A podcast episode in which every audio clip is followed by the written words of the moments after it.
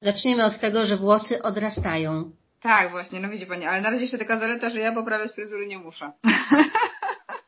To najważniejsze odrastają brwi, bo przyznam, że utrata włosów to nie jest um, aż taka zmiana.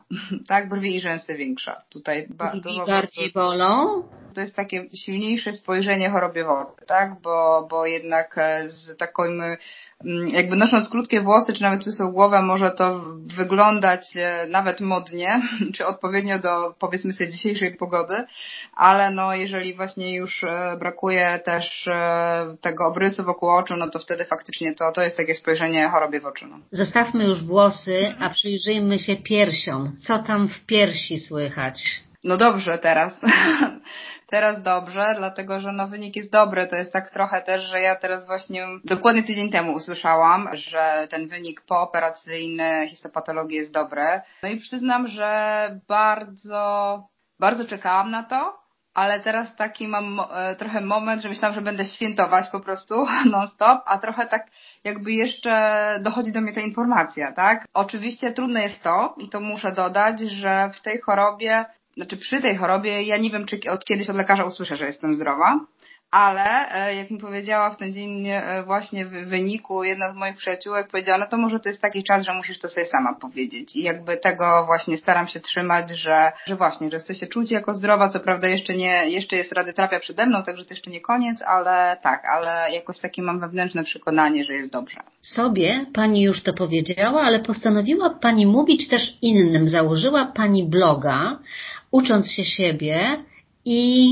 zaczęła Pani pisać. Co chce Pani powiedzieć innym kobietom? To, co mi się przydarzyło, jakby sprawiło, że naprawdę bardzo wiele rzeczy odkryłam i o sobie, ale też od, jakby poznałam dużo, nie wiem, sposobów różnych może odkryłam, które mi pomogły znaleźć jakąś taką, nie wiem, równowagę wewnętrzną w, tym, w tej szalonej sytuacji, być bardziej zdrową, nie wiem, na ciele, na duchu, e, emocjonalnie i, i tak sobie pomyślałam, że może, ja wiem, że nie da się za kogoś, tak, że, że każdy najlepiej się uczy na swoich błędach, ale takie mam troszeczkę poczucie, że, że, że może przez te moje jakieś czasami refleksje kogoś zmotywuje do tego, żeby zadbał o siebie.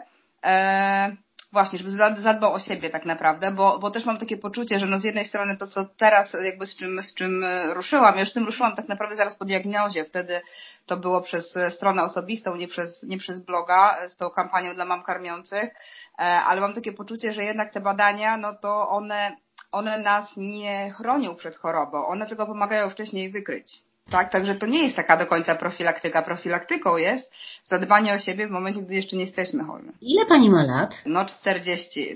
Przed diagnozą myślała pani, że rak to jest coś, co panią może dotknąć, może dotyczyć? Nie, genetycznie nie jestem obciążona, więc też jest tak, że no, no, e, no nie przyszło mi to przez głowę. Zresztą po bardzo wielu moim koleżankom, że tak powiem, z korytarzu onkologii też to nie przeszło przez głowę, tak? Szczególnie właśnie tym młodym.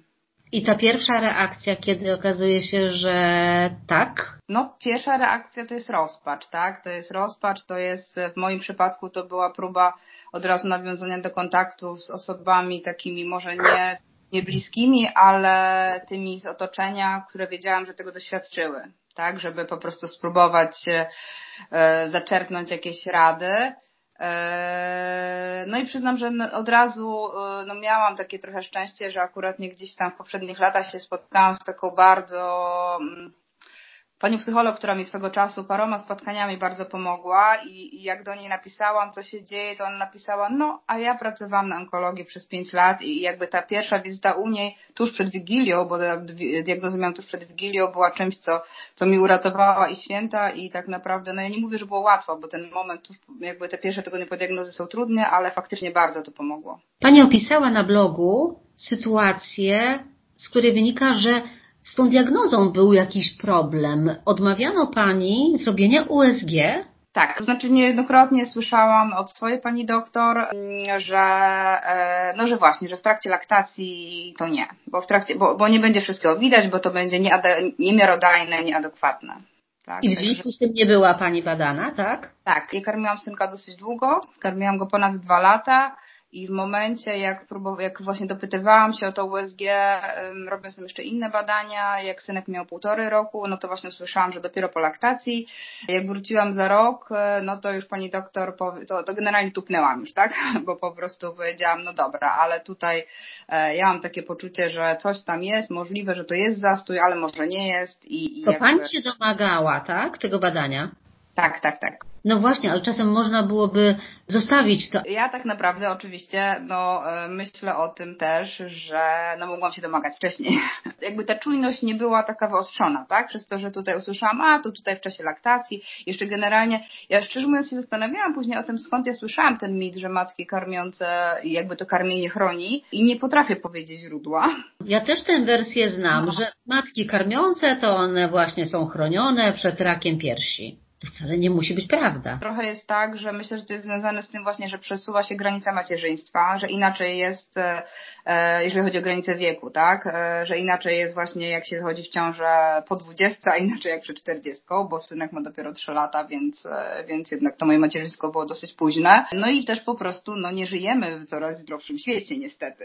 Jakie następne tematy? O czym Pani chce pisać? Takie główne obszary, o które, z którymi ja sobie uświadomiłam, że warto pracować, pracować, e, jeżeli o mnie chodzi, nad, e, nad życiem, to są elementy, które mi pomagają w tym, żeby dbać o ciało, dbać o umysł i dbać o duszę. Jedną z rzeczy, która mi, i to właśnie o tym tak naprawdę chciałam, e, już teraz właśnie kolejnego, kolejny wpis przygotowuję, mówię że czasami, że właśnie choroba mnie nauczyła oddychać. Tak naprawdę teraz dopiero wiem, co to znaczy taki prawdziwy oddech przeponowy, taki, który potrafi uspokoić.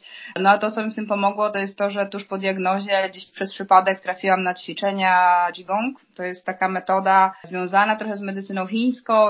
Niektórzy mówią, że to starszy jeszcze brat Tai Chi tak naprawdę coś na pograniczu ćwiczeń oddechowych, automasażu i takiej medytacji. Naprawdę myślę, że mi to wręcz uratowało właśnie jakieś takie, mm, taką względną równowagą psychiczną.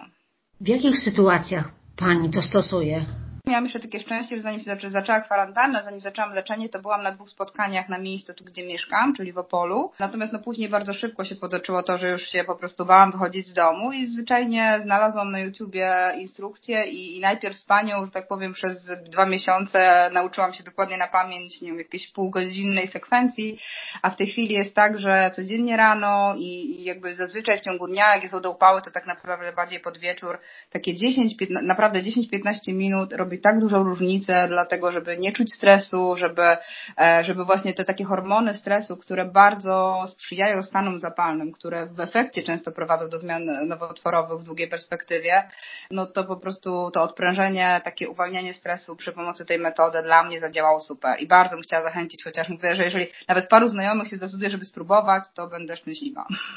Czekamy wobec tego na kolejne wpisy. A proszę powiedzieć, zawodowo czym Pani się zajmuje? Ja jestem edukatorką. taką, edukatorką, nauczycielką, e, mówię, że taką w cudzysłowie nauczycielką, bo nigdy nie uczyłam w szkole. E, uczę osoby głównie dorosłe, ale, ale często takie właśnie osoby młode, około 23 roku życia, e, w tym, żeby gdzieś właśnie trochę, znaczy wzmacnianie kompetencji miękkich, ale też właśnie znajdowanie jakiegoś tam swojego miejsca w świecie, tak? Więc jakby ten blog, stąd też ta nazwa, tak? Żeby, żeby właśnie dla mnie, właśnie mówię, że te, te ostatnie pół roku ja jako też edukatorka, osoba pracująca z edukacją, z uczeniem się od lat, no nigdy nie doświadczałam takiego głębokiego procesu rozwojowego jak ten właśnie on przez ostatnie miesięcy, tak? I przez tego bloga bym chciała zachęcać do, do nie wiem, próbowania różnych technik relaksacji, do tego, dlaczego, do rozwijania kompetencji dbania o siebie, która jest dla mnie jedna z absolutnie najbardziej kluczowych, myślę, e, i to naprawdę jest kompetencja i coś, czego trzeba i warto się uczyć, e, zachęcania do, nie wiem, książek, lektur, e, które naprawdę mogą gdzieś tam wnieść nową perspektywę, także, także zachęcam. Ja bardzo chętnie będę przyglądać się Pani wpisom i będę uczyć się siebie razem z Panią. Najmocniej dziękuję za rozmowę. Dziękuję bardzo serdecznie i pozdrawiam i dużo zdrowia.